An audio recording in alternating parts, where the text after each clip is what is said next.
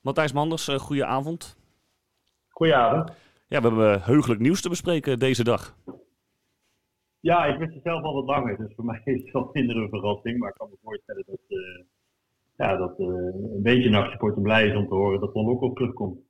Ja, want het uh, zat er een tijd lang aan te komen hè, dat er een nieuwe TD zou worden aangesteld. Want persoonlijk, ja, nu wordt die vandaag aangekondigd, had ik het toch niet meteen nu vandaag verwacht.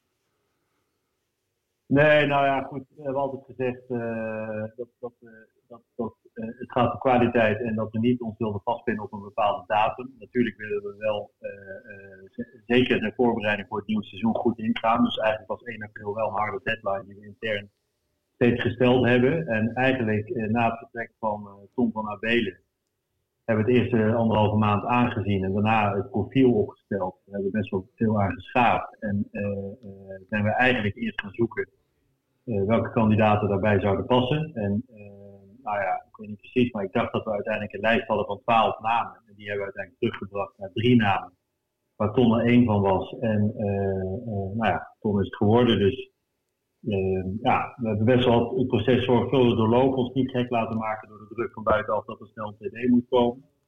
En uh, nou, we zijn heel blij met de uitkomst dat uiteindelijk het gelukt is om, uh, om Tom, te overtuigen van, uh, ja, van de inhoud van de functie om bij NAC aan de slag te gaan. En, en dat hij ook weg kon eerder bij, bij zijn huidige club natuurlijk. Dat was ook belangrijk, want we konden ons eigenlijk niet permitteren om te wachten tot, tot 1 juli. Je hebt nu gekozen voor Ton Lokhoff. Kun je uitleggen waarom je voor hem gekozen hebt? Want je gaf aan, hè, er was een lijst met twaalf namen. Maar waarom stak hij er uiteindelijk bovenuit? Ja, even los van zijn geschiedenis bij de club natuurlijk, hè, wat wel een hele belangrijke pre is, laat ik dat wel uh, gezegd hebben. Uh, zochten we ook een, een, TD met nou sowieso echt een, eigen voetbalvisie. Iemand met een eigen mening die niet te snel zijn oren laat hangen naar een ander. En je hebt, je, hebt, meerdere soorten TD's, maar in ieder geval twee types die ik steeds ook intern benoem. Je hebt de TD die vanuit zijn kamer en zijn laptop aan de slag gaat waar niks mis mee is. Maar wij zochten ook een TD die eigenlijk in weer en wind langs het veld staat bij de jeugd. Bij het eerste elftal, spart met trainers, praat met spelers, met spelertjes, met ouders. Waarvan je, waar gewoon het plezier van afstraalt, zeg maar, een echt voetbaldier. En natuurlijk hoort daarnaast ook nog onderhandelen bij en, en met zaakwaarnemers aan de slag gaan. En, en uiteindelijk zorgen dat je een gebalanceerd elftal hebt, maar ook dat je het leuk vindt om gewoon in weer en wind aan het veld te staan.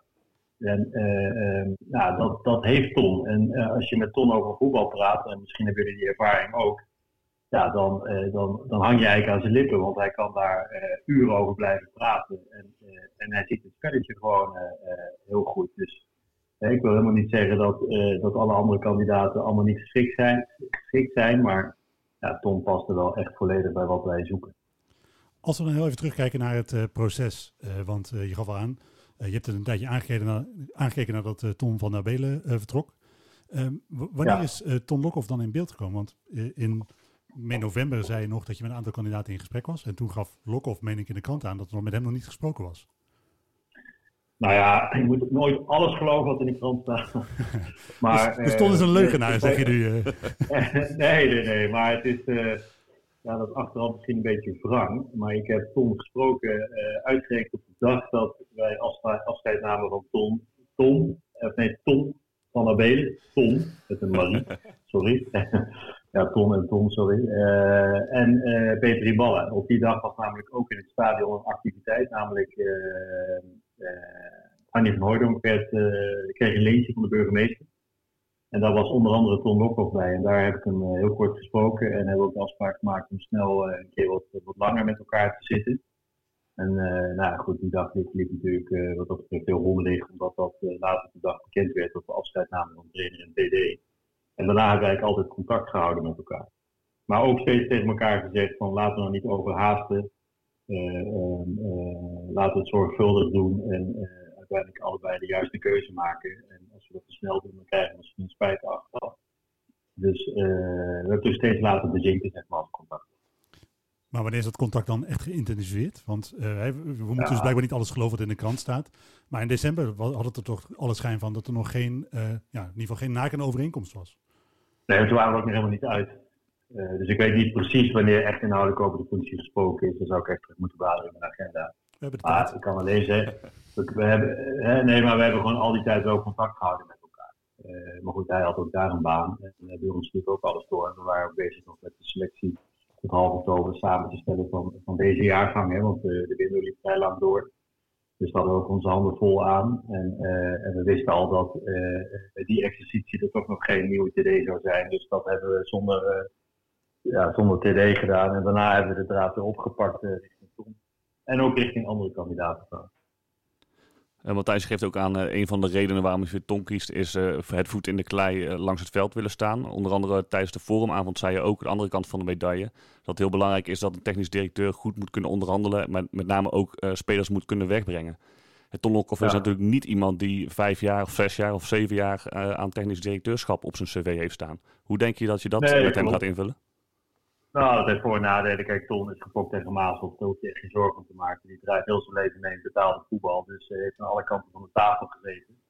Uh, en, en kent het klappen van de zweep. Dus ik denk niet dat je zorgen hoeft te maken dat Ton niet weet hoe hij met de zaakwaarnemer onderhandelt over het binnenhalen of het wegbrengen van een speler.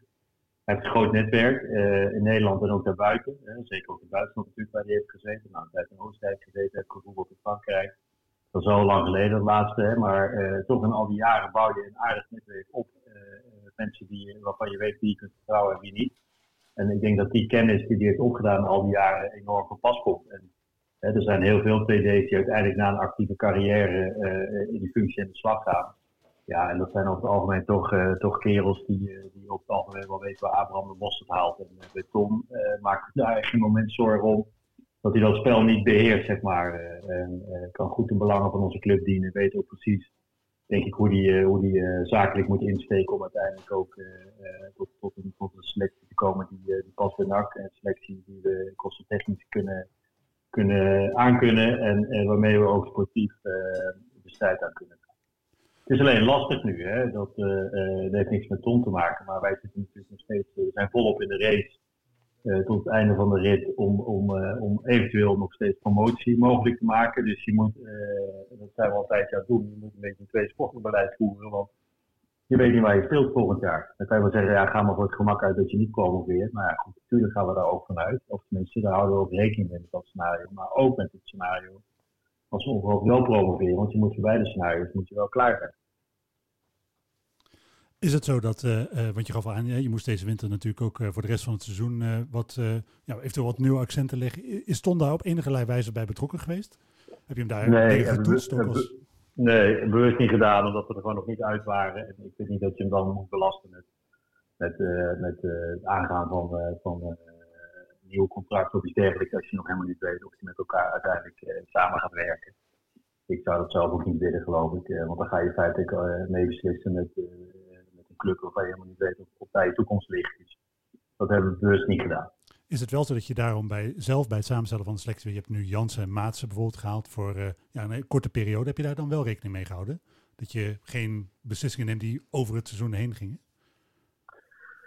Hoe bedoel je precies? Nou, je hebt nu kortlopende contracten met uh, Jansen en Maatsen gesloten. Je had bijvoorbeeld ook met Jansen misschien wel meteen een wat langer contract kunnen sluiten. Heb je daar ook in, in gedachten ja, dat, dat, Nou nee, dat hadden we ook wel gewild, maar dat was op dit moment niet uh, opportun. Kijk, Anko uh, wil voetballen, wil nog laten zien hoe goed hij is en dat hij weer fit is en dat hij het aan kan. En, en nou, bij Emmen uh, zag hij daar ook voldoende hel in. hij vond dat hij daar niet de kans kreeg die hij wilde krijgen. En bij ons moet hij ook knokken voor zijn kans, maar we hebben ook gezegd laten we eerst gewoon eens even kijken hoe het, hoe het, hoe het bevalt, of, of, of het beide kanten klikt, zeg maar. En nou ja, en minuten pakt en, en laat zien dat, uh, ja, dat hij echt van meerwaarde is, dan, uh, ja, is vanaf nu eigenlijk Tom uh, samen met Maurice daar zijn de aangewezen personen om te kijken of we met, met Anko dan een langere periode kunnen samenwerken. Maar we hebben bewust eerst eens even gekeken, we gaan eerst eens even kijken hoe die, hoe die, ja, hoe die, het, hoe die het doet. We weten allemaal dat hij kan voetballen, dat bedoel ik niet, maar ja, we weten natuurlijk ook dat hij best wel lang uit de running is geweest.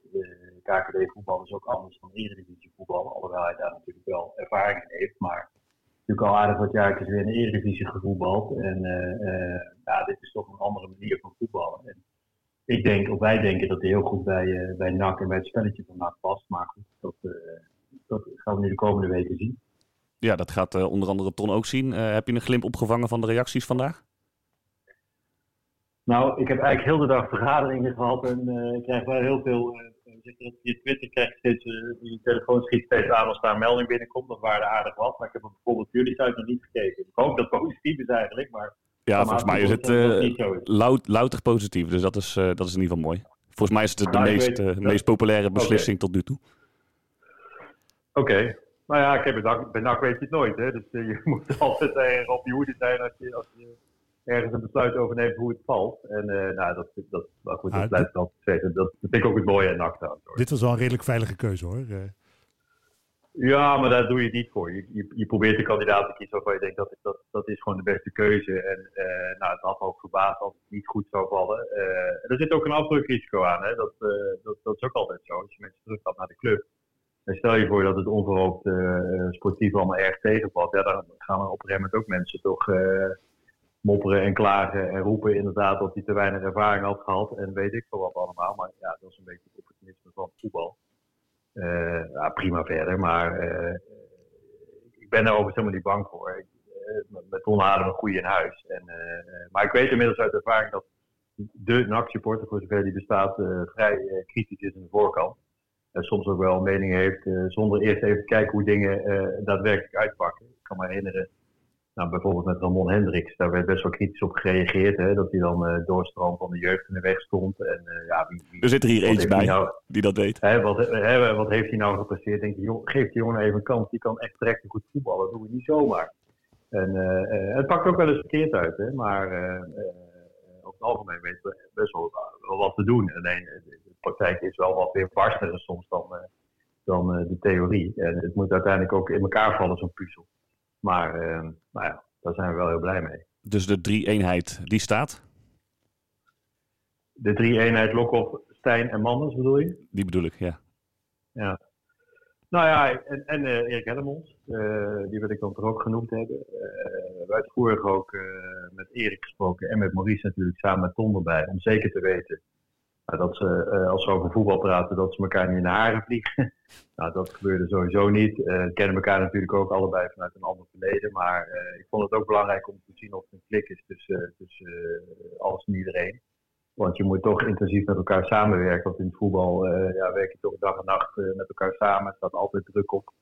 En hoe ga je daar met elkaar mee om? En ik het allerbelangrijkste om succesvol te kunnen zijn, is dat je juist als minder schouder aan schouder staat. En, en met elkaar zeg maar uh, zorgt dat het weer beter gaat. En, want als het goed gaat, ja, dan heb je alleen maar vrienden. Maar je leert elkaar kennen als het minder goed gaat. En nou, dat haal je natuurlijk niet uit één gesprekje. Maar je merkt toch de manier waarop de heren met elkaar praten en over elkaar praten. Dat, ja, dat, dat, dat zit wel goed. Dat zit wel goed. En ze zijn allebei, hè, ook Erik en Maurice en, en Ton trouwens ook kritisch genoeg om, om uit te spreken als ze dat vertrouwen niet zouden hebben. Dan, dan, dan hadden we het ook nooit gedaan trouwens.